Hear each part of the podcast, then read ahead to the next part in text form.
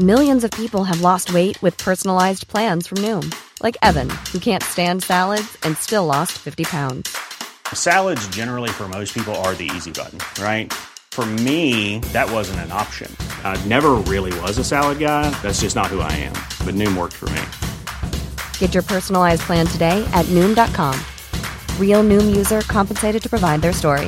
In four weeks, the typical Noom user can expect to lose one to two pounds per week. Individual results may vary.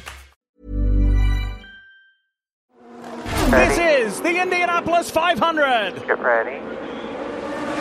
And there is a 33-year-old Green, green, Andretti leading the field of 33. But Here, Marco looking is challenged here. by Dixon early. That orange and blue car Right. going around the outside. Outside. Dixon for the lead and gets Right. it. Clear, clear. And a yellow on the track, Lee.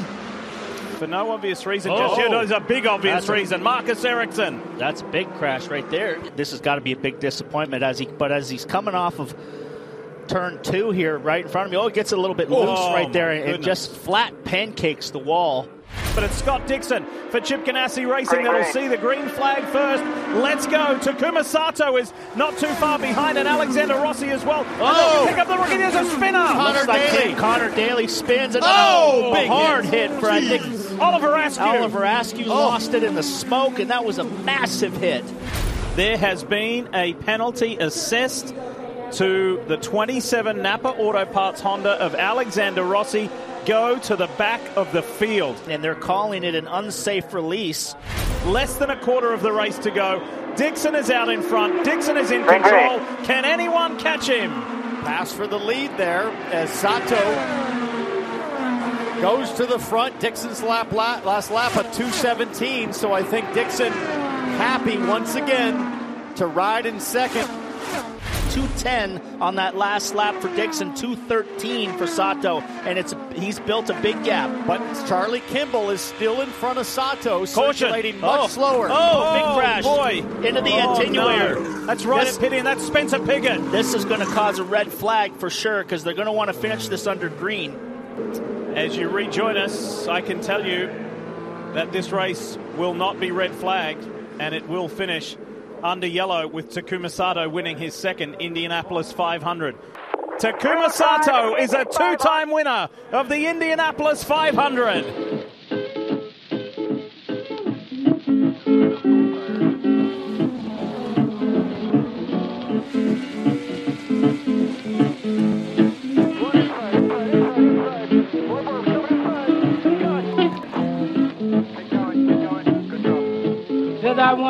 Where my easy rider gone. Said I wonder where my easy rider gone. You're the easy rider, but you do ride not so long. Välkomna ska ni vara till Indypodden avsnitt 39 och nu är det dagen efter den rafflande upplösningen av Indy 500 där det blev ingen mindre än japanen Takuma Sato som fick köra i mål under gul flagg. Vi ska analysera söndagens race och jag gör det som vanligt med mina kompisar Jakob Fredriksson och Gergay Farkas. Hej! Och jag heter Ronny Larsson Miles då. Men innan vi börjar så har vi den stora äran att presentera veckans gästpoddar också. Han är svensk mästare i Formel 3. Han är svensk mästare i Clio Cup, dubbelmästare och före detta teamägare i STCC. Men alltså med den största bedriften var nog ändå när han, eh, han gjorde den svenska rösten till fartvidundret Jeff Corvette i Disneyfilmen Bilar 2. Flash! Hej Blixten! Snacka om häftig fest va? Eh, välkommen till Indiepodden Janne Flash Nilsson.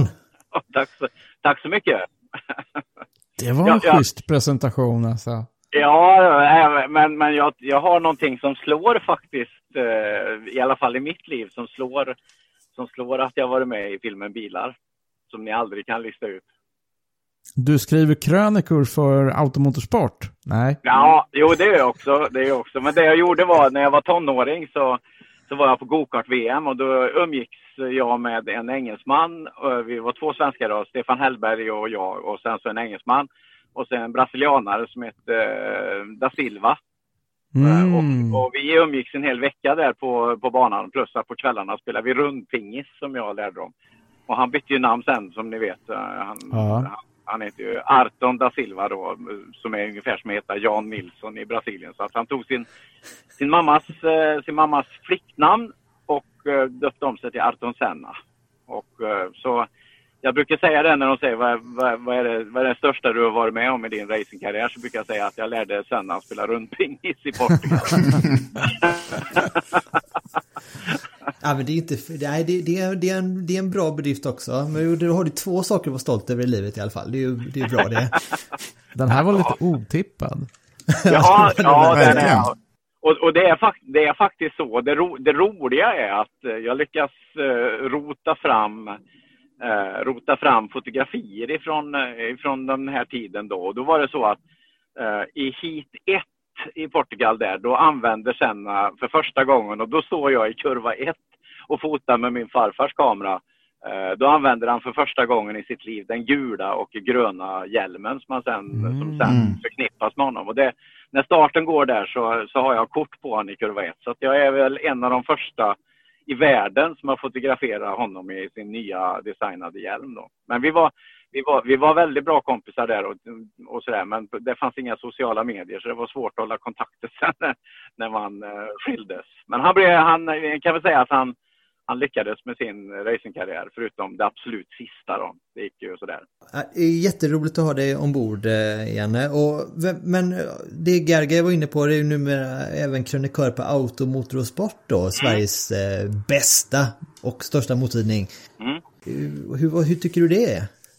Ja, jag, jag har ju skrivit väldigt mycket kröniken. Eh, I, i, i början av 90-talet där så, så, så började jag faktiskt på Auto, Motor och Sport som krönikör och sen gick jag över till, till deras motståndartidning. Eh, gjorde jag då. Men, men eh, jag, tycker det är, jag tycker det är fantastiskt roligt och Först tycker jag det är roligt att skriva. Jag tycker det är roligt att berätta historier och sen så tycker jag det är kul när folk eh, blir underhållna av de historierna som jag berättar och skriver. Då. Så att jag, jag, tycker det är, jag tycker det är ett privilegium och en ynnest att jag får skriva saker som folk läser. Så ska jag mm. förklara det.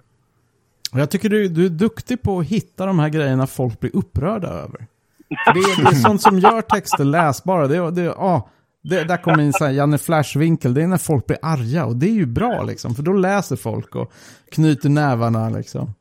Jag kom väl på, jag kom väl på då, jag tävlar ju utomlands mycket och sen så skulle då svenska serien STCC igång och sådär. Jag kom väl på efterhand att de som tyckte fruktansvärt illa om mig. För att eh, startfält, eller publiken var oftast uppdelad i två delar. Och de, som, de som hejar på mig och de som hatar mig. Då. Men de som hatar mig de betalar ju också entré till arrangörerna. Så det var liksom det farligaste vilket svensk racing och, och mycket motorsport och sporter har råkat ut för nu, speciellt svensk racing, det är när folk tycker ingenting givetvis. Det är ju, Exakt. Mm. Det är ju, och, och då är det väl bättre att de tycker, då tyckte jag väl att det var bättre att de tyckte illa om Janne Flash än bra. Och så åkte de och betalade entré och, och satt, ställt sig på en läktare för att hoppas att det skulle gå åt helvete för mig. jag, må, jag, måste, jag måste förstå, en, en kan aldrig ta sådana här saker liksom personligt utan de mm. tycker ju illa om en krönikör eller en racerförare. De har ju ingen aning om vem Jan Nilsson är och, och vad, vad, vad, jag står för. Men, men jag, får, jag får höra ibland att jag är duktig på att reta upp folk. Och det, det och speci ja, speciellt min fru. och mina barn. Mm. Jag får ju säga, får ju säga det, du hade ju, jag hade ju äran att få gå runt med dig och hänga med dig en eh, dag på MC-mässan här nu i vintras i ja. Göteborg. Ehm, och du sa det att antingen, ja, lite du var inne på, antingen så älskar man eller så hatar man Jennifer Nilsson, men eh, får ändå säga att de flesta tycker nog rätt mycket om, gott om dig faktiskt. För du fick inte gå många meter förrän du eh, blev stannad och blev hälsad på och pratade Nej. med. Nej, jag, jag känner mig inte bortglömd. Nej, det, det, ska du verkligen inte göra. Um, men eh, ja, du kommer faktiskt tänka på det. Jag kommer ihåg det grej som du pratade om för, ett, för några månader sedan när du sa efter någon inspelning att ah, fan, vi, får, vi, får, vi måste börja skava mer. Vi, ja. måste, vi, måste, vi måste börja, vi kan inte vara överens hela tiden. Vi får ju fan, vi får ju skärpa till oss här nu lite så det blir lite debatt också. Ja men så är det, man kan inte tycka lika jämt och ständigt. Det gäller att hitta de här eh, vinklarna där man inte håller med varandra. Där vi liksom kan börja skava. Då har ni bjudit in rätt. nej, nej. Jag tror, jag tror att det är en av, en av anledningarna till att, att eh, det är ju så här att det är, det är, på två ställen som jag kan slappna av då. Det ena är när jag kör motorcykel för då måste jag liksom fokusera på att köra motorcykel så jag inte krockar. Och det andra är när jag åker slalomskidor för då måste jag fokusera på att åka slalomskidor. Annars så, mm. använder jag min hjärna från det jag vaknar till jag går och lägger mig som en. Jag brukar, brukar förklara att det är som en MTV-video. Liksom. Det, jag tänker hela tiden.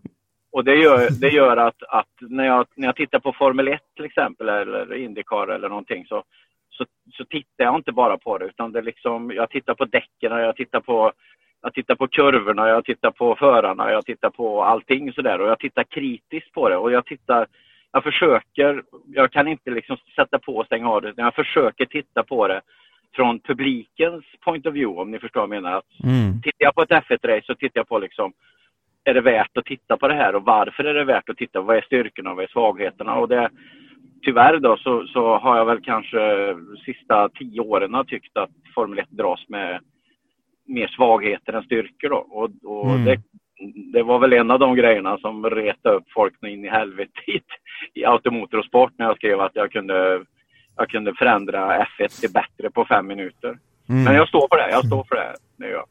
Vi pratade om, innan programmet här så pratade vi om uh, MotoGP och hade jag varit uh, Formel 1 ledning så hade jag tagit kontakt med Dorna som är ansvariga för MotoGP och så hade jag satt mig med dem och så hade jag frågat hade jag frågat dem tusen frågor om varför de har tagit vissa beslut när det gäller däck, motorer, ljud, uh, utveckling, uh, mm. allt, allt, allt, allt, allt för, för att förstå vad, vad, är det de har gjort som har gjort MotoGP till motorsportens absolut kronjuvel just för, för tillfället. Uh, och, mm. och, uh, och då kan man säga så här med motorcyklar och, och formelbilar har inget gemensamt. De har ju jättemycket gemensamt. De har ju de, de svänger ju med, med, med, framhjul och de bromsar med bromsar och de har däck som ska vara i asfalten och det är massvis med saker som, som är direkt avgörbart om, om tävlingarna blir bra eller inte.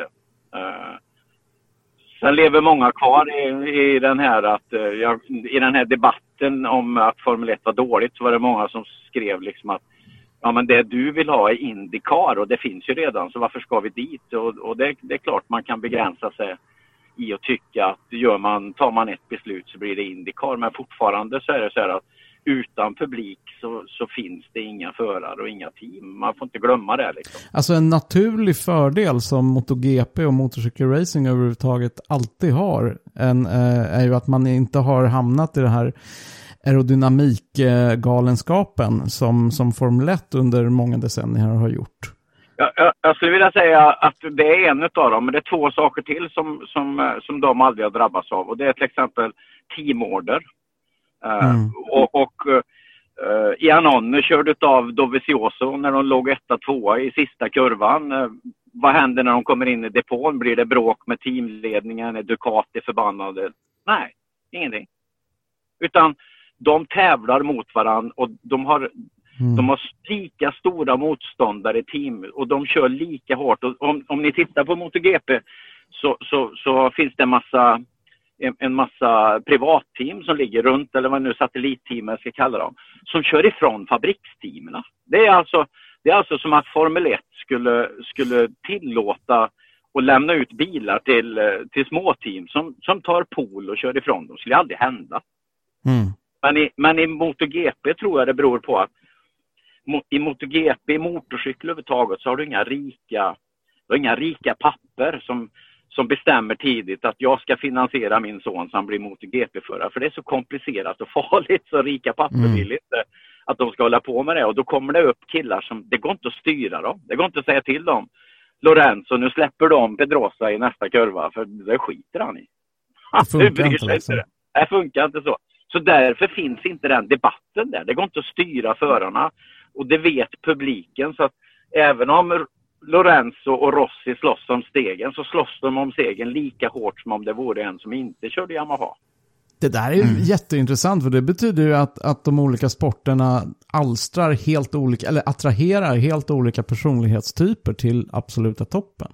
Det tror jag, definitivt. Ja, ja definitivt eftersom MotoGP är så pass, alltså du, du, får ingen stroll i MotoGP. Det, det, finns inte. Hans mamma hade sagt stopp redan, mm. redan på 125 status. Liksom. Och så, nej, det här ska vi inte hålla på med. Men, och det, det duger inte att springa omkring i fräcka glasögon och en häftig bil. Liksom. Det är inte, nu pratar jag ner bilförarna då. Jag kommer ju därifrån själv. Men, men alltså det, de som håller på med motorcykel, de kommer från en helt annan, uh, en, en helt annat tänk Där, där allt, det, det, liksom, det är inte... Det är en speciell typ av människor. Väldigt speciell typ av människor som, som inte går att styra på samma sätt. Så därför finns inte den där kulturen där. Titta på i, i Formel 1 till exempel, så redan i kurva 3 börjar de köta om, ta hand om däcken. Mm. I, Mot- I MotoGP kör de på ett 4 centimeter gummi i backen i 350 km i timmen. De bromsar upp dem i sladd och de, de spinner ut. Där håller däcken för det.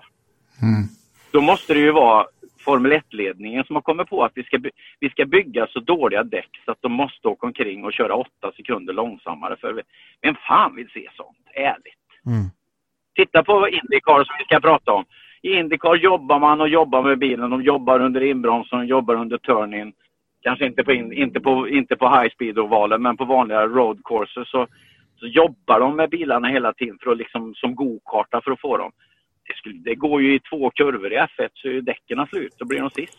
Jag tänkte på när Rosenqvist körde om Award på Road America. Då gav de ju lakritsremmar i tre kurvor i rad där. Så Ja. det var väldigt mycket mer spektakulär körning än vad man har fått i F1 på länge. Och Ja, ja, så, ja, ja men de här, de här uh, Formel 1-nördarna, det, man kan ju inte säga någonting till dem utan man trampar dem på tårna. Liksom. Och det, jag, men jag, jag har ju, i, i och med att ett amerikanskt bolag, nu, Liberty Media, har tagit över Formel 1 så tror jag att eh, långsiktigt så inser de att eh, de får ju inga sponsorer. De får ju inga, Mm. det är liksom publiken, de, kommer ju, de säger ju inte det, men det är klart att tv-publiken minskat för dem kraftigt. Eh, gårdagen dock, det var långt ifrån tråkigt. Eh, jag brukar, när Indy 500 går i maj brukar jag kalla det för alla racerbilars dag. För det är ju så fantastiskt med Monaco, Indy och sen här långa Na- Nascar-loppet in i natten. Nu var det lite annorlunda igår, men jag hann ändå med att klämma in Supercars på morgonen. morgonen. Eh, Moto 3, Moto 2, Moto GP, DTM, eh, Rallycross-VM från Höljes. Eh, som Marcus e- eh, Mattias Ekström vann. Eh, och sen till slut Indy 500. Vilket helt totalprogram. Det var, liksom. Hela det, var en, bra- det var en bra motordag. Ja. Jag missade Nascar-loppet för det krockade med Indy 500 den här gången. Vilket, ja, prioriteringar här nu. Eh, Jag fick in Ja. Moto 3, Moto 2, Moto GP och Indycar fick jag in. Ja. Det var, jag Ja. tyckte det var mycket motorsport, men det, det dög. Ja, där ligger du i lä Janne faktiskt. Ja, Det- ja. det- Men jag tror faktiskt att Jakob är ju, bara innan vi verkligen, innan vi snackar ner Indy 500 får jag säga, Jakob är ju en, nog lika stor MotoGP-nörd som du är Janne. För eh, kul. eh, när han inte pratar Indycar med oss så pratar han eh, MotoGP. Det gör jag gärna, men jag har inte motorcykelkörkort tyvärr. Men om man ser bara på sista varvet så tar ju MotoGP kakan för, för igår. Det var ju ett väldigt spektakulärt lopp där och Miguel Oliveira, det var ju fantastiskt snyggt kört. Iskallt. Vi kan säga att eh, om, om, de kör 20, om de kör 20 race eh, på en säsong, säger vi, de kör väl 19 förra året, men säg att de kör 20 race på en säsong, så är ju i alla fall 12-13 utav dem avgörs över mållinjen, alltid. Ja. Jag brukar, jag, brukar, jag brukar säga så här att när jag tittar på Formel 1 då tar jag en liten, eh, då tar jag en liten nap i mitten där och vaknar till och undrar vilket varv de är på. När jag ska se på MotoGP eh, då måste jag gå på toaletten innan start. För skulle det vara så att jag blir pinknödig under själva racet då håller den ju på pink. För den kan ju inte lämna i en och en halv minut. Det går ju inte. Det går inte att lämna ett MotoGP-race. Nej. Och det var ju, även om det var många eh, gulflaggor på Indy 500 den här eh, gången, hur många var det Jakob? Sju, åtta stycken? sju stycken blev det. Så var det ändå som att mitt i allt detta så var det ändå ett, eh, ett race som hade allt. Eh, både dramatik, eh, hev- svåra, ja svåra kanske får man ju säga. Som tur var var det ingen som skadade sig allvarligt. Det var, nog, det var nog bara tur där tror jag. För den där, den där kraschen i infarten där. Jag pratade med Rickard Göransson om det idag och jag sa det, jag fattar inte hur de kan ha den där infarten där de har den och den där skiljemuren där mellan banan och infarten. För den, den sitter på ett sånt ställe där så att bilarna kommer där någonstans efter att ha gått i muren. Så jag, jag Mm. förstår inte att de inte bara tidigare lägger infarten och förlänger muren bakåt så är det där löst ju. Det, var- Han hade ju tur igår kan jag säga. Att jag var ju när han smällde in i den och jag såg alltihop där så tänkte jag det här gick inte bra. Sen behöver det ju inte betyda att den dör, men den bryter ryggen eller får svåra skador på något sätt. Så liksom. För så, så pass hårt blir det ju när den smäller in så. Men Mm. det där eh, jättetraven med däck där lyckas ju slänga han åt sidan så pass mycket så att det, inte, så att det gick bra då. Situationen eh, som du pratar om där Janne, det är ju då när Spencer Piggott då mot, eh, hur många, hur många varv kvar? Se, fem eller sex varv kvar? ehm, Fyra kvar kvar. Fyra var. fyra kvar. Ja. Okej. Satt, i, satt i muren då i kurva 4 va? Och eh, drev inåt i banan och eh, på tvären kan man säga då träffade ju Head eh, verkligen då den här skiljemuren som skiljer bandepån mot startmål. Och det är ju inte första gången. Nej, det är ju inte det. Och eh, det var också det som gjorde att eh, det blev målgång under gul flagg då och då blev det då Takuma Sato på första plats. Scott Dixon som nästan, ja det var nog inte många som inte trodde att han skulle vinna där efter halva racet. Eh, blev tvåa. Och eh, Graham Rayall på en imponerande tredje plats där som kompletterade Ja. podiet. Och det var ju Rail-bilar, etta och trea ska man säga också för de som lyssnar på det här. Det var ju, Mm. det var ju också stort. För det var ju inte riktigt var det Rails, Team Rails år pre- precis då. Pigott körde också Rahal. eh, det, var inte, det var inte uppgjort på något sätt. Eh, men Pigott eh, kunde lämna sjukhuset eh, direkt efteråt. Kunde åka hem på kvällen. Så det var skönt att han inte Men jag, jag har faktiskt sett en del spekulationer om konspirationsteorier Mhm. i, på internets undervegetation kring huruvida sista kraschen skulle ha varit uppgjord. Det är ju fullständigt... Gerge hänger på Darknet. Ja, är precis. det på Darknet du Indycar hänger? Darknet. Där, där fanns det dolda forum och där förekom vissa spekulationer både på svenska och engelska om att det här skulle varit uppgjort. En slags Ja, Nelson Piquet junior eh, från Brio fast det var ju en otroligt mycket lägre hastighet. Och mycket, Ja, verkligen. och Det är, så, ja, det, är, ju- det är helt otänkbart att det här skulle Ja, varit gud. någonting annat än en olycka. Ja, gud. Nej, det finns inte. Det, men det, det, man ska väl ha något att prata om på nätet också givetvis. Men det, det ser jag som högst osannolikt att någon Mm. sätter av i den hastigheten i en mur frivilligt. Vi kan väl prata lite om krascherna som hände. För under träningarna, två snurrningar. Nu blev det ju inte riktigt en kraschfest, men åtminstone sex ganska rejäla olyckor under loppet. Ja, Eh, vad berodde detta på, tror ni? jag, jag har ju min, eh, min tes här med, med MotoGP har ju också varit väldigt eh, förolyckat då. Och om man tittar på eh, finalen i MotoGP och tittar på i, i Indycar så, här, så, så har det aldrig varit så stort uppehåll emellan man eh, slutar tävla och när man börjar träna och tävla igen.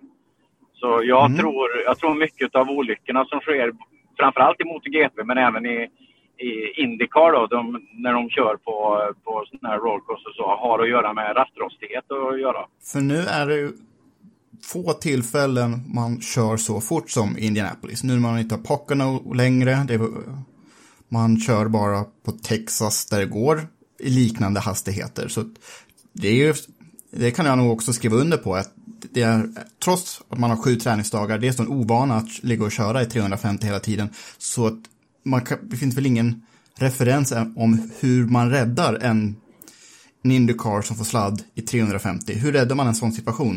Det gör man nog inte. Man Nej. räddar nog inte en sån situation. Utan det handlar nog bara om att ha, ha känslan för att inte få den sladden tror jag. Om vi tittar på Marcus Erikssons krasch där till exempel så är det en sån här typisk, eh, ty, typisk Indycar-krasch. Att helt plötsligt så får du ett litet kast Exakt. med bakänden och sen styr du själv in i muren. Du hinner inte, liksom, du hinner inte reparera det där åt något håll. Så.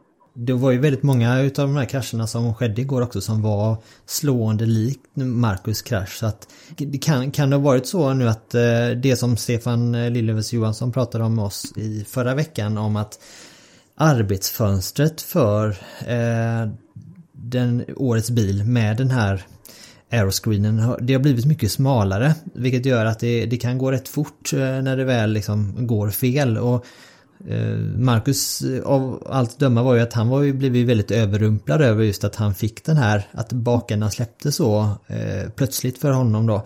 Ehm, så det, jag tror nästan det understryker bara det som Stefan pratade om i, i förra veckan. Jag är, rätt så säker, jag är rätt så säker på det och det tror jag också igen då är anledningen i MotoGP som, en, som en egentligen kan jämföra med, med Indycar. Indycar och MotoGP så kör man ju på gränsen av bilens förmåga. Det gör man ju inte i Formel 1. Så chansen när du sitter och åker en 6, 7, 8 sekunder långsammare än bilen klarar av att du ska få ett sånt här bakhjulssläpp och köra av är ju inte så hög då. Alltså, mm. de har ju fortfarande begränsningen i däcken, men det har man ju inte i Indy och inte i MotoGP heller. Utan, utan där de maxar ju hela tiden.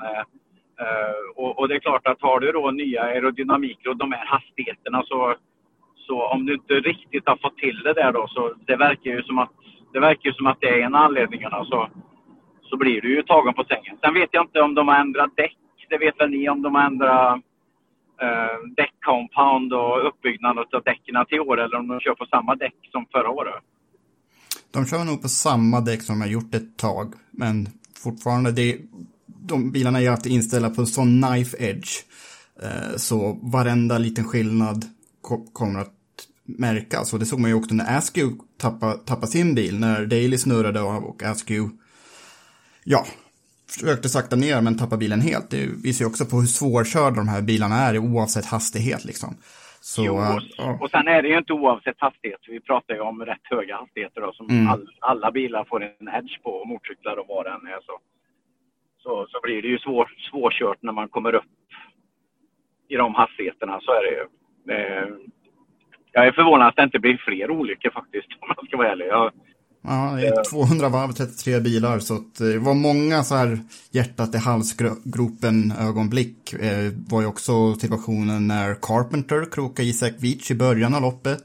Ja. Eh, Simon, Simon Paginot förlorade en framvinge eh, mot slutet också. Så att det, det, det är verkligen, eh, det är en ballett Indycar på Indianapolis Motor Speedway. Så är det ju. Ja, så är det tar vi eh, trean igår då, Graham Rahal där. Det, det var ju kod brun ögonblick eh, vid skilda tillfällen där när han, han var ju liksom, det var ju typ fem, eh, fem centimeter liksom mellan däcken och eh, barriären där vid flera varv där innan, just innan ett utav depåstoppen och eh, man kan ju inte låta bli att bli alla 33 förarna blir, att man blir otroligt imponerad av eh, den bedriften det är att köra ett eh, fullt Indy 500 och så länge. Du som är professionell racerförare. Eh, vad, vad krävs, eller har varit lång karriär, du vet ju exakt vad, vad som krävs och så. Vad, vad krävs både mentalt och fysiskt av, av en, en person för att klara av de här farterna? Och ja. under så här lång tid liksom?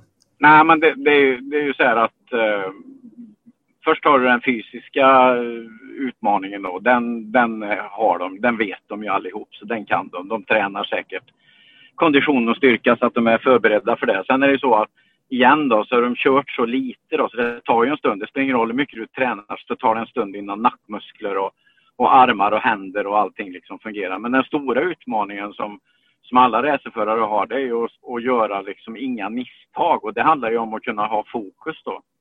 Eh, och, och jag jag tränar ju på liksom att kunna, om, om du tänker att man är mitt inne i en kurva så har man kanske ungefär lika hög fokusering och koncentration som i ett golfslag. Och det orkar man inte hålla så många sekunder. Eh, så du måste träna dig i och slå på och slå av din fokus och koncentration. Eh, och med det menas det att ibland då när du har bilar runt dig så kan du inte slå av den helt och liksom bara och, och, ladda batteriet till nästa gång du ska bromsa utan du måste dra ner det till hälften och sådär. Och det är en av utmaningarna i, i motorsport för att kunna lägga sig och liksom kanske maxa på banrekorder på varv efter varv efter varv. Och det, det ser så enkelt ut när folk ser det på TV men men eh, när, de, när de sen ska göra det själva så märker de. Jag vet, jag vet eh, i min racingkarriär så var det ju många som kom och sa att nu kör jag nästan lika fort som han och nu kör jag nästan lika fort som han. Problemet var ju bara att vi, när vi var på topp då, då, då, slog, då gjorde vi ju de tiderna i 40 minuter på, med 500 dels sekunds skillnad liksom. Mm. Eh, och, och, det, och i Indycar då så du bromsar ju liksom inte på det och, tar, och missar Apex på Indy utan du måste du måste ju veta vad du ska göra. Så den stora grejen är ju liksom att, att, att hitta den här mentala styrkan i att bara göra samma sak hela tiden.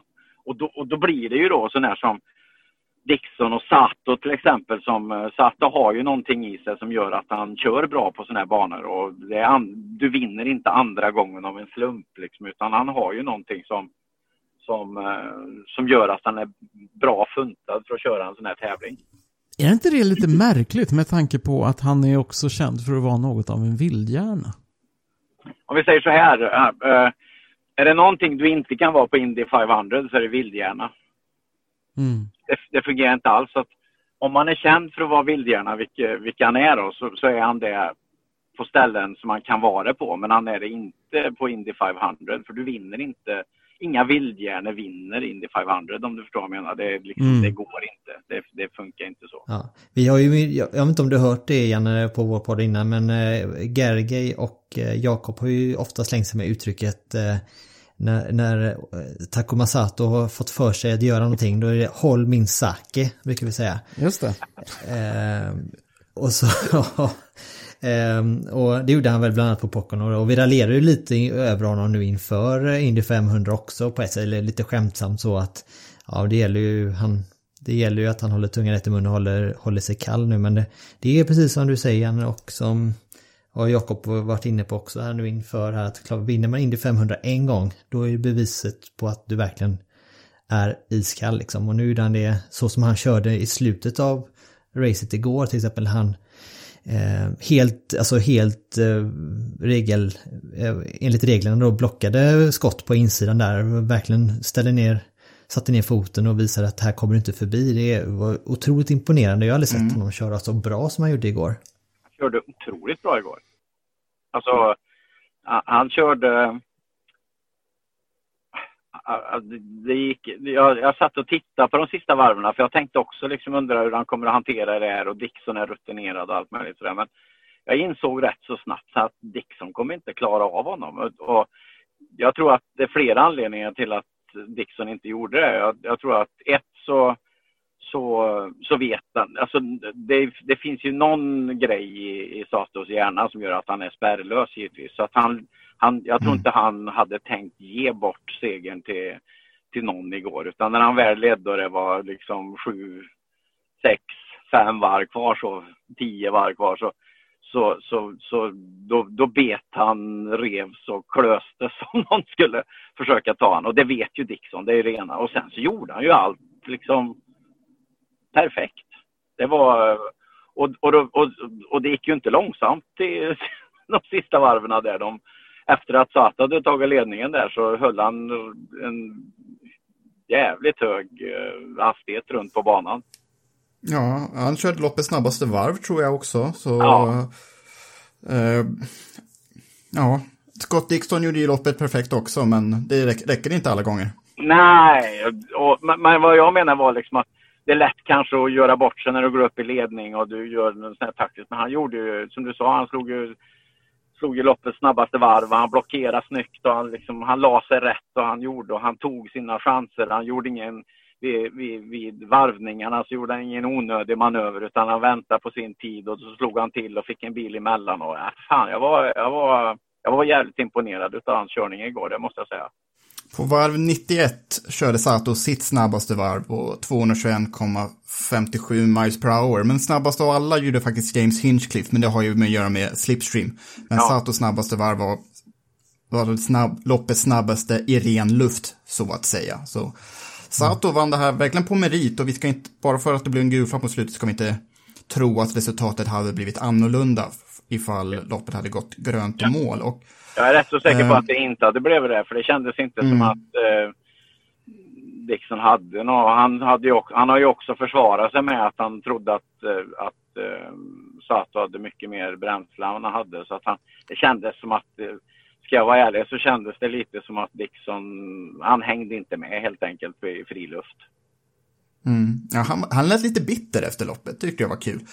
Eh, men Dixon, Dixon har ju vunnit så många lopp så att han kan väl förvänta sig framgångar också, men äh, ja. Ja, och sen får ni inte glömma att det, det, det, är ju ett mästerskap också då, så även om han, mm. han kunde inte vinna igår, det tror jag, men däremot så tog han ju en ändå kraftigare ledning i mästerskapet så att, så att mm. Eh, han får nog sin, han får nog sin pokal i år ändå, det tror jag. Det känns så. Mm. Det det vart ju mycket prat om eh, Marco Andretti av naturliga skäl eftersom han var polesitter i år eh, och eh, gjort någonting som hans pappa inte lyckades göra. Att ta, ta pole på Indy 500. Men vi visste inte riktigt hur han skulle hålla i hela racet och det här kan man säga, vår farhåga bekräftades väl lite kanske då i och med att han han hade ju inte så jättemycket att säga till om under, under själva Nej. racet. Nej. Nej, han föll ju tillbaka ganska omgående. Han ledde inte ett enda varv till och med. Nej. Men Andretti-stallet var inte så starka eh, överhuvudtaget. Det var bara Alexander Rossi ett tag där i mitten som kunde vara snabb nog. Men Ryan Hunter Ray var ju där i början och sen föll han tillbaka. Uh, men, Rossi, men Rossi såg ju väldigt stark ut just i den fasen innan han fick sin bestraffning. Eller? Ja. Håller ni med? Jo, jo, men sen så satte han bilen i muren så att då, han gjorde ju... Men vid det laget var han väl så otroligt förbannad? Ja, precis. Och eh, då hade han inte huvudet på rätt plats för att vinna Indy 500 igen. Nej, exakt. Och sen Zach Veach, osynlig. Hurta, ganska osynlig. Uh, Hinch, bästa Andretti i mål på sjunde plats. Och Hinch åkte väl på något problem i eh, depå tror jag, depåstopp va? Han blev stående ett tag. Var, de inte, var det han som var tvungen att starta om något system för att få ut honom igen? Ja, det jo, var, tidigt Det var någonting, ja. ja. Um, som jag tänker att han blev ju sjua trots detta. Så han, uh, han kanske hade aspirerat på en uh, pallplats uh, om, om han hade haft ett felfritt race. Men tänk om om mm. inte fanns och det är ju Indy 500 trots allt det handlar om. Mm. vad säger ni om Santino Ferrucci på fjärde plats då? Det är ju Gary Gays fram, fram, favoritförare. Ja, det är min lilla favorit. Nej, Nej, jag har ingenting sådär emot Santino Ferrucci, även om han inte... Det har du visst. Han är inte den mest sympatiska killen i fältet, om man säger så. Men eh, nej, jag blev lite, lite orolig där ett tag att eh, det skulle eh, studsa, bollen skulle studsa stolpe in för honom och på något sätt skulle han hamna ännu längre fram. Nu blev det inte riktigt så, så... Men det var väl en helt okej insats han gjorde igår. Alla var mm. väl kanske inte nöjda med hans insats, har vi hört, va? Eller hur? Ja, Jakob, vad är det sagt nu? Vem var det som var sur på Ferrucci? Eh, Hurta ska ha hamnat i någon incident med Ferrucci och kallat honom för en bag. Mm. Eh, Okej, okay. hmm. ja, det var inget roligt. Eh, så, mm. jag vet inte vilken incident det var, eller det var i alla fall första hälften av loppet. Men Ferrucci, ja, han körde väl stabilt. Han körde som han gör. Det räckte till en fjärdeplats. Jag tycker han kör bra på ovaler, men jag skulle vilja se vilken incident det just mm. menades. Um, sen har vi, apropå incidenter, ska Ryan Hunter Ray också letat upp uh, Ryans VK. För VK Rookie ska ha gjort något som förargade Hunter Ray, men jag vet inte heller exakt vad det är. Det är så himla mycket som händer i de här loppen, så att det är lätt att tappa bort alla de här jag små tänkte. Jag tänkte säga det. Ni, jag ty tycker ni är duktiga ändå att komma, komma ihåg saker eller se saker. Men det är ju inte som F1 då, där det inte händer någonting och sen så tar man det i slow motion sen. Så, utan här är det ju konstant ett, ett, ett, en orm som slingrar sig med omkörningar och trängningar. Och, så det, mm. det, det är lite pyssel att hålla isär allt. Onekligen, ja. verkligen. verkligen Har var, är någon av er har varit på Indy 500? Ja. ja. Alla Ronny, utom du... jag kan man säga. Jaha. Det är ett fantastiskt race kan jag säga. Ja, jag har sagt det så många gånger här i podden just så det börjar bli tjatigt nu men eh, det, nej, men det var ju nog, det är den största idrottshändelse som jag har varit på någon gång i mitt liv och då har jag ändå varit på fotbolls-VM och eh, eh hockey-VM och allt eh, möjligt liksom så här men det, det slår det, det mesta faktiskt får man säga. Mm. Ja, det är coolt. Det är, det är, väl, att se, det är väl att se Rossi på, i MotoGP kanske på hemmaracet kanske. Det, det är kanske det som skulle kunna tangera det. När han, när han vann för några år sedan, då, då det, det, är nog en upplevelse också som, som, som.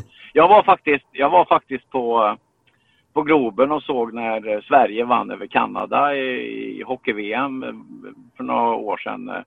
Och det var, det var också, det, det, alltså när folk, när folk är glada så, blir, så, så spelar det nästan ingen roll vad man är på liksom, så, så blir det ju en... Eh, men, men det som är roligt med Indy 500 tycker jag, det är liksom hela inramningen med alltihop. Och, och, och sen så är det så mycket saker som man inte, som man inte känner till. Då. Och så före start till exempel så, så, så åkte det runt bilar och med folk som, som, eh, som eh, eh, eh, vinkade till publiken och långt, långt bort där så lät det som ett fotbollsmål i fotbolls-VM sådär då. Det följde en bil runt alltihop och jag satt i kurva två där när Kenny körde när Kenny körde, satt jag i hans sponsors uh, VIP-rum där liksom. Och så när, när bilen kommer förbi oss där så tittar jag ner, då sitter Muhammad, Ali där och vinkar. Mm. Och han drog väl mer eh, applåder och hurrarop än vad förarna gjorde då. Och, och nu, har, nu är jag lite äldre än er så jag har ju följt Muhammed Ali och sådär och, och, och, har en otrolig respekt för honom. Men att se honom där på, som satt där på bilen och så sitter det liksom hundratusentals människor som skriker som ett fotbollsmål. Bara det, bara det är liksom svårslaget som gjorde, ja, som gjorde Indy 500 eh, coolt att åka på givetvis. Mm. Det är så mycket grejer och det är rockkonserter och det, det är, jag tror aldrig jag sett så mycket kylväskor med öl och revbensspjäll i någonsin som på mm. Indy 500. Det var, varenda en går och släpar en kylväska på, på hjul efter sig liksom. Mm. Ja, väldigt speciellt år nu med när det, allt sånt där ställdes in. Men såg ni han som hade byggt den där träkojan ja. för kurva 3? Underbart! Ja. Han bara knackade på. Publiken. Ja, och en del som hade samlats precis utanför. För en stor grej också att bara höra bilarna. Det var en del, det var många som bara saknade det och behöver veta att man är där på något sätt. Ja, så det, blev ett... det ger ju en hel del närvaro. Ja, det blev en liten folkfest ändå, mm. trots allt. Och eh, slängde ju upp också precis vid start bild på, på Facebook. Fråga hur, hur kollar ni? Fick en del roliga svar där. Eh, det var ingen som drack mjölk till loppet. Mycket det, märkligt. Det blev öl framför tvn också på de allra flesta bilder. ja. Um, var, ja, tack så mycket till alla som delade med er av mm. Eh, er, eh, era vardagsrum. Där. Det var, det var mm. roligt att titta på faktiskt, får jag säga. Hur, tittar, hur, hur tittade du på racet, Janne? Jag satt på, jag har en, mitt eget krypin på somrarna. Jag har gjort i ordning altanen med en stor, stor tv och så får jag sitta där ute ensam med min hund eh, mm. och, och, titta. Jag vill vara, det är så här att när, när jag tittar på motorsport, MotoGP och, och så där så vill jag vara ensam för att jag, jag eh, som jag sa där, jag, vill, jag analyserar så in i helvete och tittar och, och funderar och grejer så att jag orkar inte bli störd så att, så att jag, jag gillar att sitta där ute på somrarna är altanen för mig. Och så härligt. Ja, fantastiskt härligt. Och så, igår var det 18 grader ute och så kan jag dra bort eh, glasdörrarna om jag vill så, så, att, jag, så att det blir liksom en öppet. Så jag sitter i princip ute och tittar på det här. Och, och det, är, mm. det är också jävligt trevligt på, som nu på, på igår när det var så mycket motorsport på dagen och sådär. Då, då, kan då kan man liksom ha altanen igång och sen så så, när det, så sparkar man boll med hunden eller leker med barnbarnen eller sånt där. Och sen så bara snabbt upp som fasen och så titta på det här. Så att det, Altanen och Jan Nilsson på, på det vi, vi är ett. Ska vi titta på lite andra namn då i loppet? Vi har gått igenom fyra första. Eh, femma kom Josef Newgarden, bästa av Penske-bilarna. Penske gick, gick inte alls vägen för någon av dem. Mm. De provade på en liten alternativ strategi i början, men det hjälpte inte mycket. Eh, de andra Penske-bilarna hittade vi på 11 plats med Hel Castroneves, sen Will Power 14 och Simon Paginot först 22, två varv efter till och med. De har ju inte sett starka ut under hela uppladdningen Nej. inför racet och det här blev ju liksom bara en slags fortsättning på, på deras svaghet kan man säga eller ett bevis på Hondas storhet den här gången. Ja, så kan För man det var bara två, två skevor i eh, topp 10. Det var Newgarden, femma, bästa skeva och sen Pat Award på sjätte plats. Mm. Så ja, bakläxa för Chevrolet. Eh, de, de kände sig, jag, jag såg intervjuerna innan så, de, de sa det inte rent ut, men de kände sig inte starka, de som hade skeva motorer som de intervjuade mm. då kan jag säga. De var inte de, de kände sig inte som att de var där för att tävla om segern. Det kan jag inte påstå. Mm. Jag håller med, håller med om det. Och det men det, det, det står ju som dramatisk kontrast eh, mot hur det tongångarna var på de första träningarna. För då var det ju Alltså Simon Paginot var ju, gick ju som på moln under första träningen. Han sa mm. den går ju som ett spjut i, i trafik och att det ändå kan när man började skruva upp effekten på motorerna allt eftersom veckan gick och så nu då här inför Carb Day och så. Och när det började gå upp för dem att det här kommer ju inte att hålla. det är ett stort team som eh, Penske, det måste vara väldigt eh, frustrerande eh, på ett sånt här, för det här är ju det viktigaste för det teamet. Eh, för Roger Penske, det, detta är ju, Indy 500 är liksom det viktigaste och sen så kommer mästerskapet som nummer mm. två. Eh, så nej, det var, var väldigt intressant faktiskt att se att de inte var var på banan. Ska vi prata lite om svenskarna kanske? Vi varit ju ja. lite inne på Marcus. Men ska vi börja prata om Felix Rosenqvist som eh, tog målflagg för första gången? Mm. Under ett Indy 500. Konstigt lopp. Mm. Alltså vad hände första, första två stinterna? Han föll som en sten och sen med ett påstopp så kunde han hålla jämna steg med Dixon.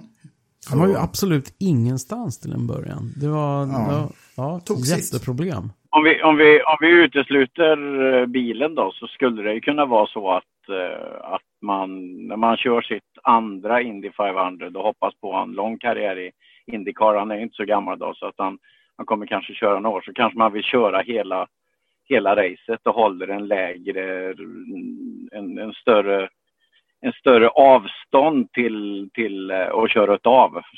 Det, det skulle det är ju så här, han har inte känt sig riktigt säker på ovaler om man har tittat på hans resultat på ovaler och sådär. Och, och, och, det är inte så konstigt. Det, det, vore ju, det vore ju konstigare om man kände sig säker på ovaler från början. För det, vi är inte uppvuxna med ovaler i Europa. Så att, så att eh, om, om vi bara leker med tanken här, för ingen av oss har väl kanske pratat med Felix då, men så, så skulle jag kunna tänka mig att han han ville hålla sig på ledarvarvet till att börja med och så, och så känna sig för så att han fick köra hela racet, skulle jag, skulle jag tro.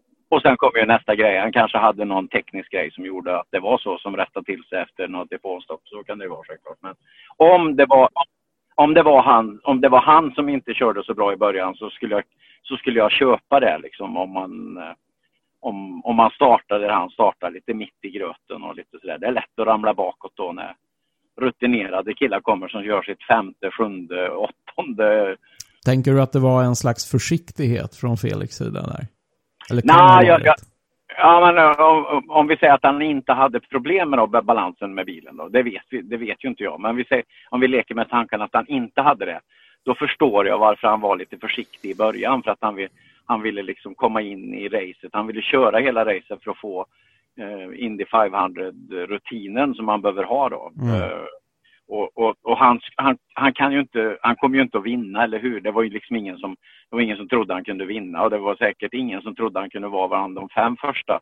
Och ska jag vara riktigt ärlig så chansen att ta sig bland de tio första var inte jättehög heller om inte, om inte han hade gjort någon strategigrej som hade kommit hem så att han hade ramlat in i slutet när folk började tanka. dem. så att hans, hans, hans eh, mentala mål borde ha varit att köra racet i år. Det, det tycker jag. Eh, och sen så kanske han säger då att jo, men jag hade överstyrt i början och så rättade det till sig. Så förstår jag det också, men nu vet vi ju inte det. Så att det, det här var ju... Men, men om, om bilen gick bra och han ramlade bra till 17 så, så tror jag så tror jag att det, det, det borde det ska gå till så i sitt eh, första riktiga Indy. Han körde ju förra året också, men, men han, jag skulle, om jag hade varit han så hade jag velat kört alla 200 varven. Mm. Han var ju nere på 27-28 plats till och med, så långt ner var han ett ja. tag där också. Men jag tror att den analysen du har där Jan är, är helt rätt. För han, han klagade på överstyrt första stinten och så klagade han på väldigt mycket understyrt andra stinten.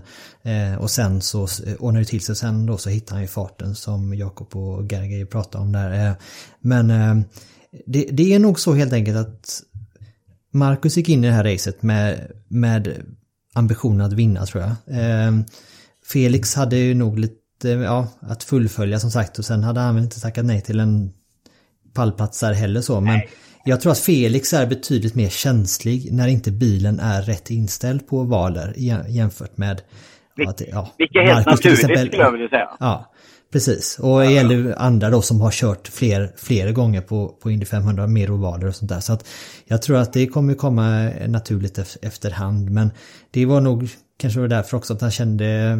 Då, ja, nej, du har rätt där, Janne. Om jag hade varit Lill-Lövis så hade jag sagt till henne att göra som det gick. Om du förstår vad jag menar. Jag hade sagt till henne mm. att lägg inga, lägg, lägg, lägg ingen värdering i vart du ligger, om du ligger 20, 25 eller 17 eller inte. Kör det här racet, lägg det här liksom i, i erfarenhetsväggen eh, hade, jag sagt, hade jag sagt till honom. Jag vet inte vad Lill sa till honom. Men jag menar, det, han, han hade, han, hans chanser att bli bland de tio första var ju rätt så små. Och, och, då är det ju bättre att ta med sig det racet i, i sin helhet. Då. Eh, Marcus, som du sa där, han, han, han kändes ju som han... Han har också känts mer bekväm på valer också, ska jag säga. Mm. Även om det har hänt lite grejer runt han där. Men, men, han verkar inte vara rädd för att sätta han i muren. Och, och, nej, men han, de har haft lite olika approach till att köra på valer. Mm. Ja, Marcus har ju faktiskt. Eh, varit med om en del krascher. Ja. I Formel 1 också, på Silverstone och i Ungern. Så han kanske, han vet vad som händer när man träff, träffar muren. Men jag vet inte om Felix haft något, om han kraschade så mycket. Nej, det Nej. gjorde han ju alltså, inte. Inga sådana här jättegrejer som Marcus har gjort. Nej. Kommer du ihåg Marcus på Monza? Ja, ja det är jäklar. Sen, sen ska man veta att man vänjer sig inte vid krascher då. Det är inte nej, riktigt nej. så det fungerar. Mm. Så det är inte, mm. det är inte så att inte. när man kommer till sin tredje krasch så säger man så här, nu vet jag precis hur det är så nu spelar det ingen mm. roll att det blir fjärde utan man alla racerförare som säger att den dag jag är rädd lägger jag av, de, de ljuger ju. För precis innan det smäller när man går i muren så är man alltid rätt. Alla är det. Alltså det sen, sen är det bara att, att jag menar, jag har ju suttit och kört eh, standardbil på vägen 110 km i timmen och så tänkte jag undrar hur det skulle vara att bara svänga höger rakt in i räcke på motorvägen och det känner man att det vill man ju inte liksom och då klappar man in i räcke i dubbla hastigheten ibland och bryr sig inte men det, det har ju att göra med fokus och förväntningen av att man kan krascha liksom. Att det, mm. Så, så, så jag, jag, tror inte, jag tror inte att det, jag tror inte skillnaden emellan dem är att Marcus har krock, kraschat förut och, och Felix inte har gjort det utan Marcus har nog bara känt sig lite mer eh, hemma på, på ovaler än vad, än vad Felix har gjort. Och Marcus har ju kört snabbare bilar och sådär i längre tid än vad Felix har gjort också. Så att jag tror att det har lite med, med eh, känslan av att köra en, en snabb bil på, i höga hastigheter. Jag menar, e, elbilarna var ju jag vet att Felix inte gillar mig för det, men jag kallar ju dem för eh, motorsportens hyrkart. Liksom. Stora och tunga och långsamma. Och, men, men Formel 1 är ju i kvalvarv och sånt, det ju, går ju väldigt fort. Och det är klart att mm. nu, kör ju, nu kör ju Felix eh, Indycar, men det tar nog en stund innan man liksom lär sig att köra där uppe. Nej, jag, mm. tror att, jag tror att det bara, jag tror att han, jag tror att han ville genomföra jag tror att det var klokt om planen var att genomföra Indycar för då, då, då har han, äh, Indy, inte Indycar, Indy 500. Så, och, och, då, och inte bry sig i var man låg just för tillfället. Om det var planen så tror jag det var rätt plan. Det tror jag. Mm. Och starta från, och starta från 14 och gå i mål som 12 då tycker jag då har man också gjort ett, en stark upphämtning andra halvan av, racet också. Och en, eh, en fullt godkänd insats får man ändå säga. Du skulle säga någonting Jakob, förlåt. Eh, ja, jag tänkte på Marcus och döma hans Instagram idag. Han verkar ta en, bara en väldigt soft semesterdag. Och jag tänker på hur mår man dagen efter om man har kraschat sådär? Hur mådde du efter Bathurst till exempel, Janne? Hur, känns det i kroppen länge?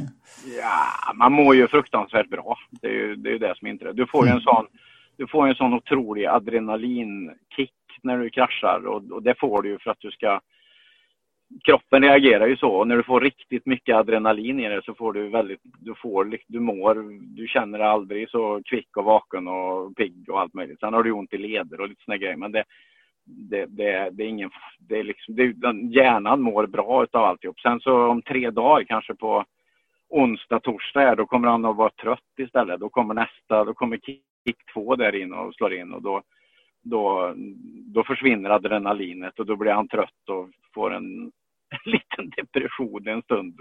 Liksom undrar vad, vad fan som hände och så. Så det, det ska vara så. Det, det är så det funkar. Och en, del, en del utsätter ju sin, uh, sin kropp med base jump och allt möjligt för att överleva. För att det är då enda gången de mår bra är ju när de när de halvt slår ihjäl sig eller gör någonting som de får de här kickarna ifrån. Liksom. Och, och, uh, och uh, så, så i, idag mår Marcus jättebra. kroppen funkar så. Det, det, det är liksom safety-systemet för krascher eller olyckor är ju att du får en adrenalinkick liksom i, i nervsystemet. Men apropå det då så jag, eh, tar vi som Oliver Askew då. Eh, som vi också punktmarkerar här i podden. Så han åkte ju på en rejäl eh, macka.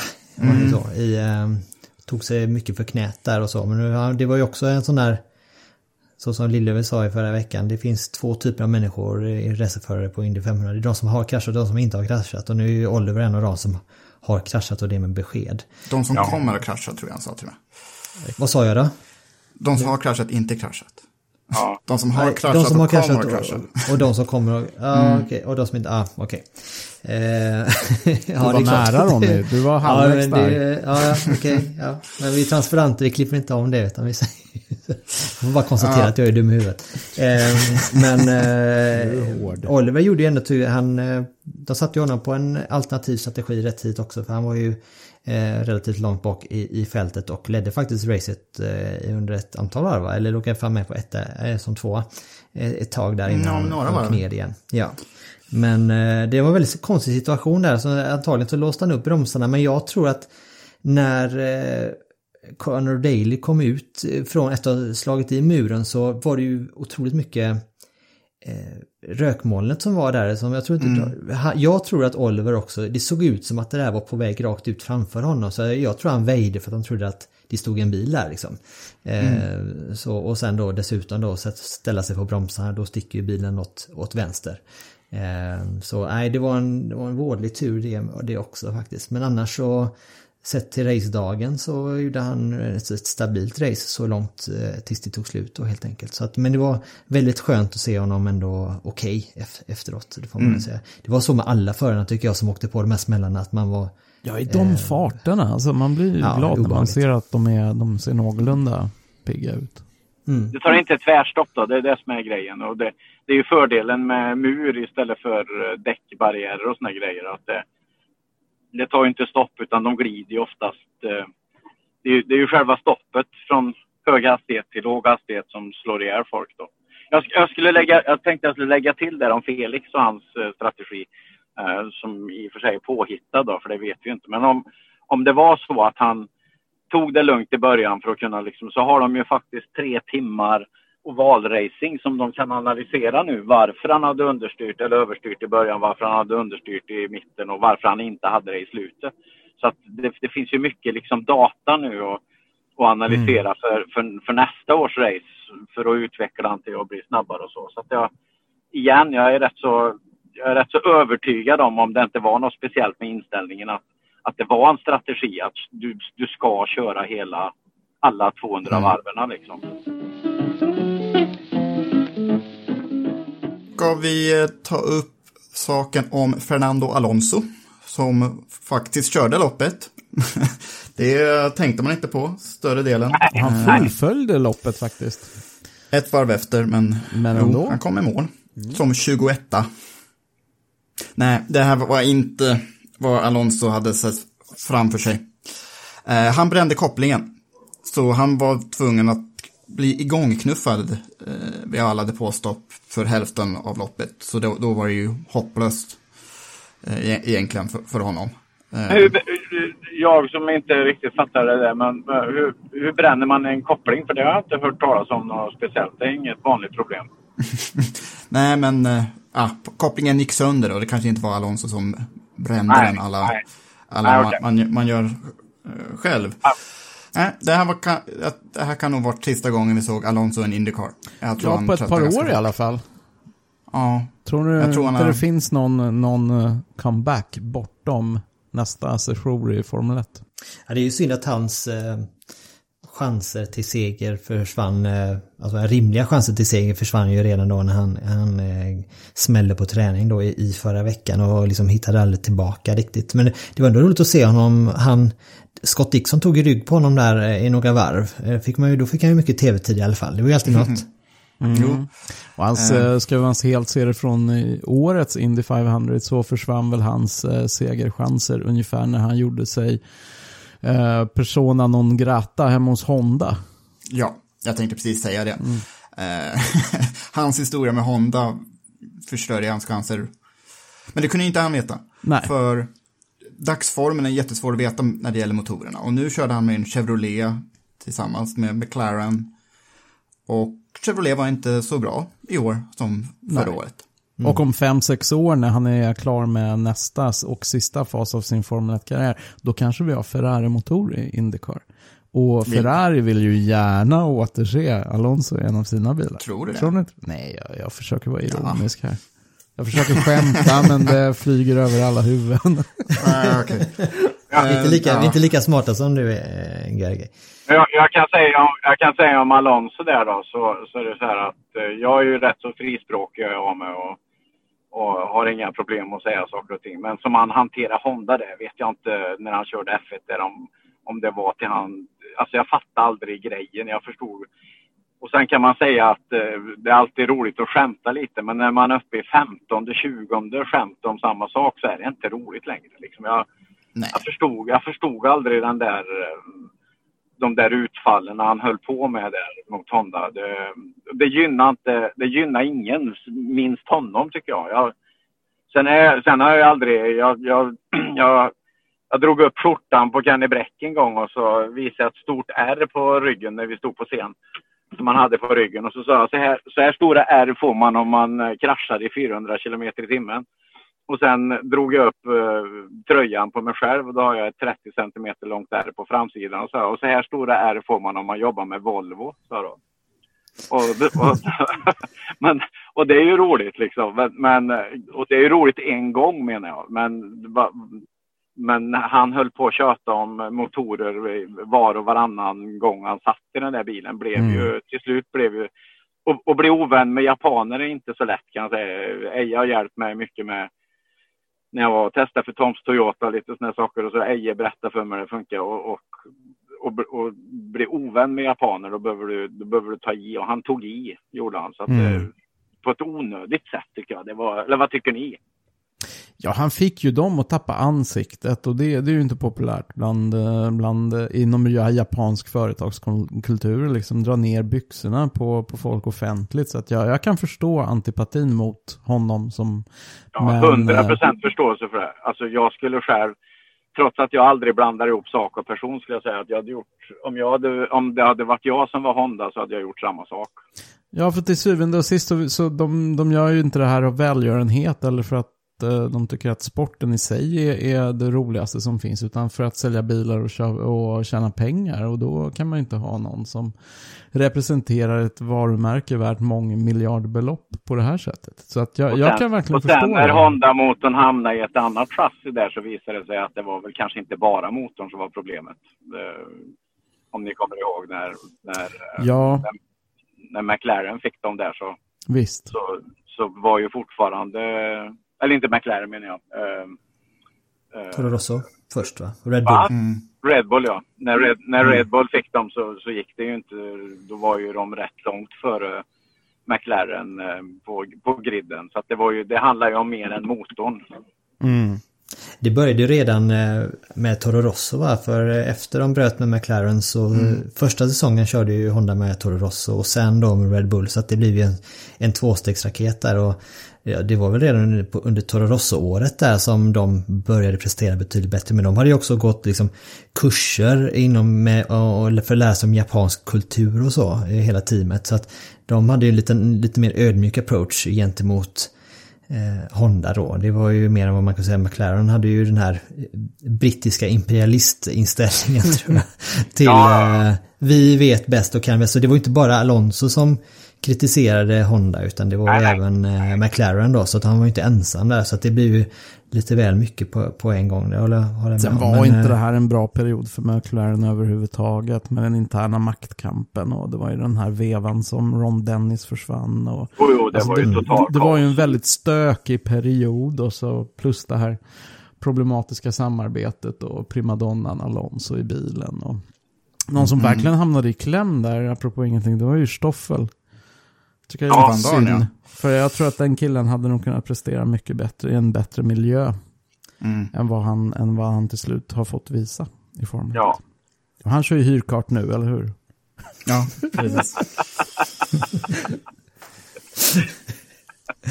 Ska vi, ska vi börja lägga kanske Indy 500 anno 2020 till handlingarna med att kanske avrunda med en... eh, Ska vi sätta en stjärna var för, eh, för racet så eh, blickar vi framåt sen.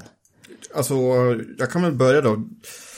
Det, det som starkast lysande, det var ju James Davisons framdäck. Aldrig sett. Ja, aldrig. Alltså det var en bromscylinder som gick sönder och så smalt hela framvagnen. Ja. Så Ja, det, det var- var ju... det var vackert. Bara man tar på sig solbrillor. Ja, det var vackert. Inne. Uh, nej, men... Mm, eh, ja, om jag börjar då och inte skämtar bort någonting är alltså Takuma Sato. Nej, men jag säger så här. Team Rahal. Ja. Det här var Ray, Rahal, Rahal-stallets första seger på Indy 500 sedan 2004. Där Buddy Rice vann. Buddy Rice som då ersatte Kenny Bräck i den bilen. Um, Rahal-stallet har väl aldrig riktigt glänst på de snabbaste ovalerna. Rahal vann på en, Graham Rahal vann på uh, California Speedway 2015. Och på Texas någon gång. Men annars så har de alltid varit starkast på road courses på senare tid. Och nu två, två pallplatser för dem. Så det var kul att se David Letterman där på banan också. Han, jag gillar hans skägg numera och han var Ja. jätteglad. Så, ja men jag säger Funkade sådär med andningsskydd dock. Ja, jo. Det, det, det tänkte jag också på faktiskt. Han hade bara kunnat knyta upp det där skägget över ansiktet så hade han ju haft en naturlig Ja. ansiktsmask. Det hade Ja, inte behövts någon försöka sån där. efterlikna det. Så det säger jag. Okej. Rahal Letterman-lärlingen. Vad säger du Janne då? Jo, det, var- det var så här att eh, när jag var i USA en gång, så, eller en gång, när jag varit i USA några gånger så jag hälsade på så träffade jag eh, bland annat AJ Foyt när Kenny körde för honom. Och Mm. eh, då sa Kenny på engelska så sa han eh, AJ, this is my best friend from Sweden. Och då tittade inte ens AJ Foyt på mig utan han säger God damn it, why don't you have any decent friends from Texas? sa han och så gick han. Sen, var jag ju med där på Indy 500 då, och några andra race också där, i Rail-teamet. Så jag vill, jag vill också ge, jag blev också väldigt glad för Rail-teamet eh, som jag tycker är ett eh, Flash Engineering som jag hade som racerbilsteam och, eh, och Rail-teamet hade väldigt mycket gemensamt tycker jag. Det, det är små team fast ändå professionella och duktiga men har inte den här Mercedes eh, Formel 1 eh, Penske-eran runt sig utan det är lite trivsamt familje med, med Rail själv i mitten där som någon slags eh, pappa som tar räkningen på vid, vid middagsbordet. Så, så att jag blev otroligt glad att, han blev, att Rail-teamet blev etta och trea. Ehm, det, så min stjärna till Rail-teamet också faktiskt. Yes, eh, jag tänker ge min stjärna till allt det säkerhetsarbete man har lagt ner i racing senaste decennierna, inte minst i amerikansk racing. För vi såg ju rätt många väldigt otäcka krascher igår. Eh, Spencer Pigott, eh, Oliver Askew, men även Marcus krasch var ju rätt tuff alltså. Att alla de här ändå så här promenerade iväg från sina vrak eh, helskinnade och kommer racea igen den kommande helgen. Det tycker jag är helt fantastiskt. Så stor stjärna till allt det säkerhetsarbete som ligger bakom, av, ligger väldigt mycket bakom att vi kan njuta av den här underhållningen och, och slipper se folk begravas. Det är ju Indianapolis säkerhetsteam, alltså Indycars safety Mm. team. De är eh, industriledande.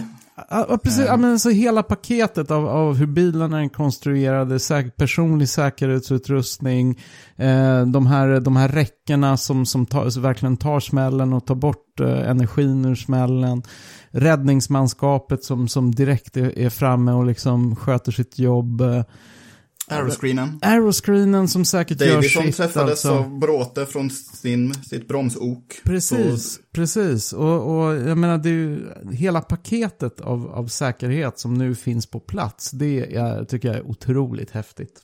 Stryker på. Ja, jag funderade på om jag skulle, först om jag skulle ge min stjärna till Scott Dixon. För det, det är lite så, för Scott Dixon, det är ju, vi har ju jämfört honom med eh, Lewis Hamilton tidigare. Att så, vad fan ska man behöva göra för att få en stjärna eh, nu för tiden liksom. Hamilton kan ju helt briljanta lopp, men han får inte den där driver of the day ändå. För att han förväntas att vinna liksom. Ja. Och det är Mm. Scott Dixon, han är med den, den, eh, den, de två veckorna han har visat den farten och eh, den killerinstinkten han har visat här nu är ju också eh, inte att förglömma. Sen så tycker jag även att som en sån som Joseph Newgarden till exempel, trots det här undermåliga materialet han sitter i så blev han ändå femma va?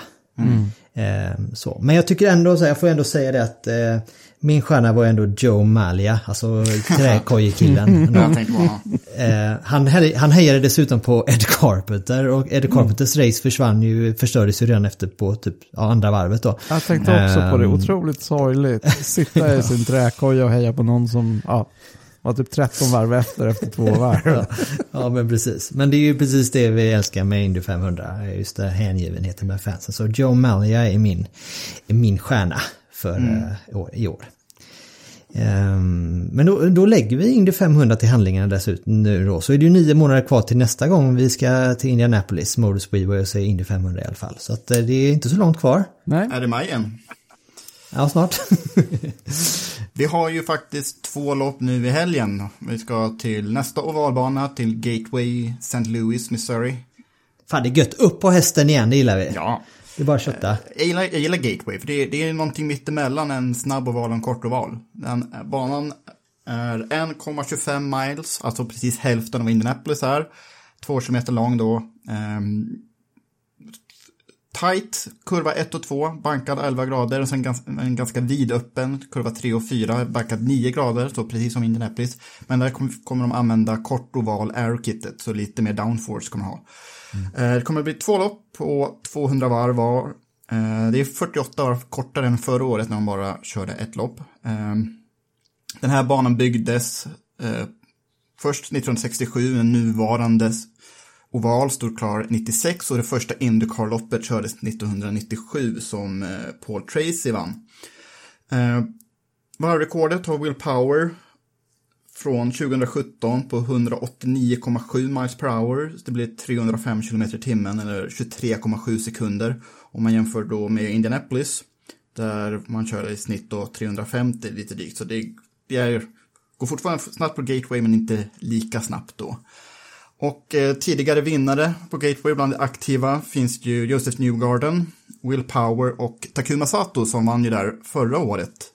Eh, med ett, var ett strategilopp så han hade ju lite gräddfil där men eh, det var ett ganska kul lopp förra året vill jag minnas med eh, Ferrucci och Newgarden blev ju ganska osams efter det men ja, nå, nåväl.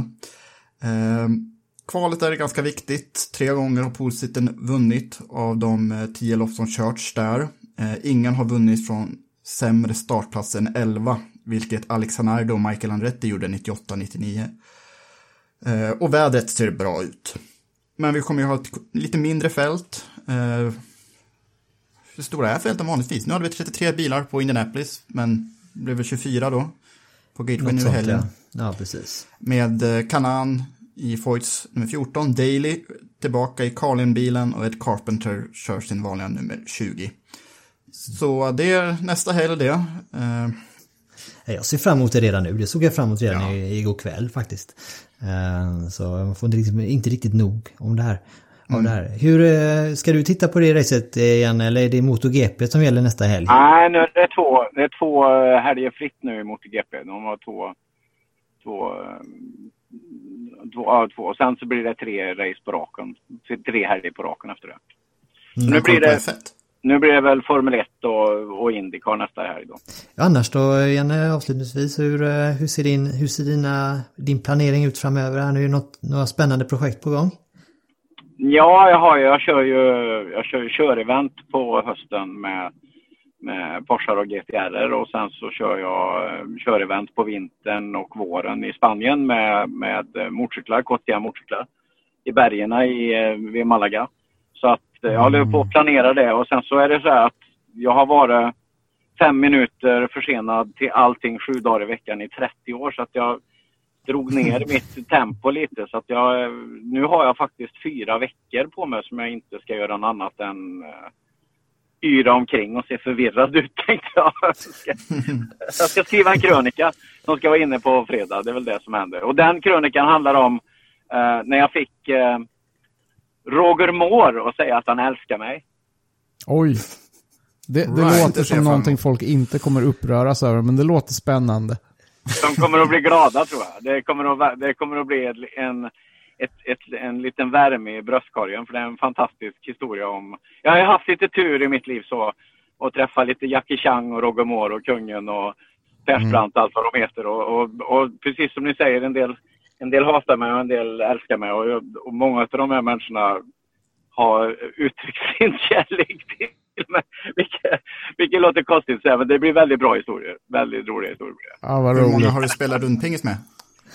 Uh, nej, inte så, jag har inte spelat runt, jag har inte spelat runt Däremot jag, jag träffade Jackie Chang när jag tävlade i Kina. Så träffade jag Jackie Chang. Han trängde sig fram till mig och sen så av eh, ingen anledning ett år senare så, så är jag i Saharaöknen och, och eh, kör bil.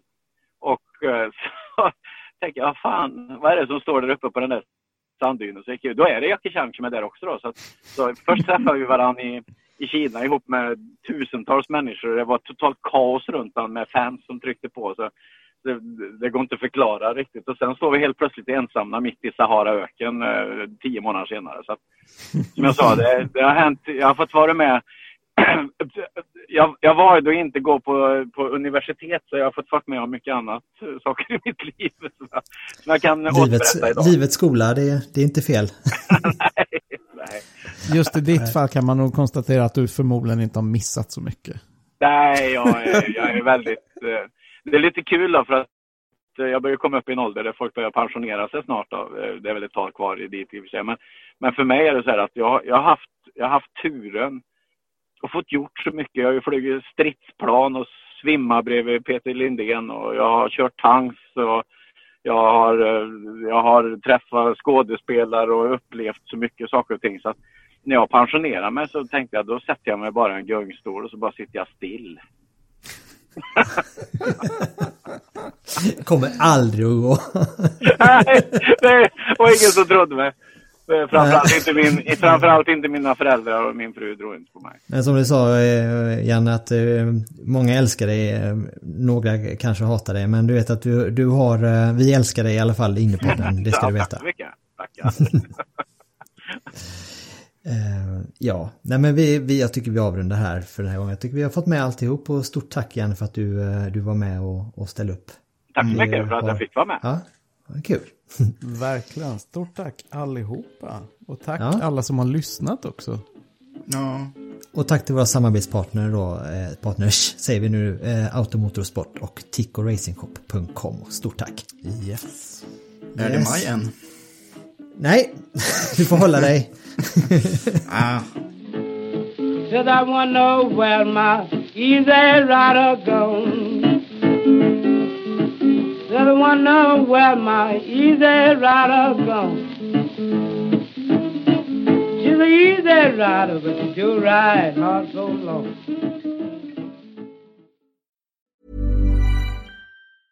Hi, I'm Daniel, founder of Pretty Litter. Did you know cats tend to hide symptoms of sickness and pain? I learned this the hard way after losing my cat, Gingy. So I created Pretty Litter, a health monitoring litter that helps detect early signs of illness by changing colors, saving you money and potentially your cat's life. Pretty Litter is veterinarian developed, and it's the easiest way to keep tabs on your fur baby's health right at home. Go to prettylitter.com and use code ACAST for 20% off your first order and a free cat toy. Terms and conditions apply. See site for details.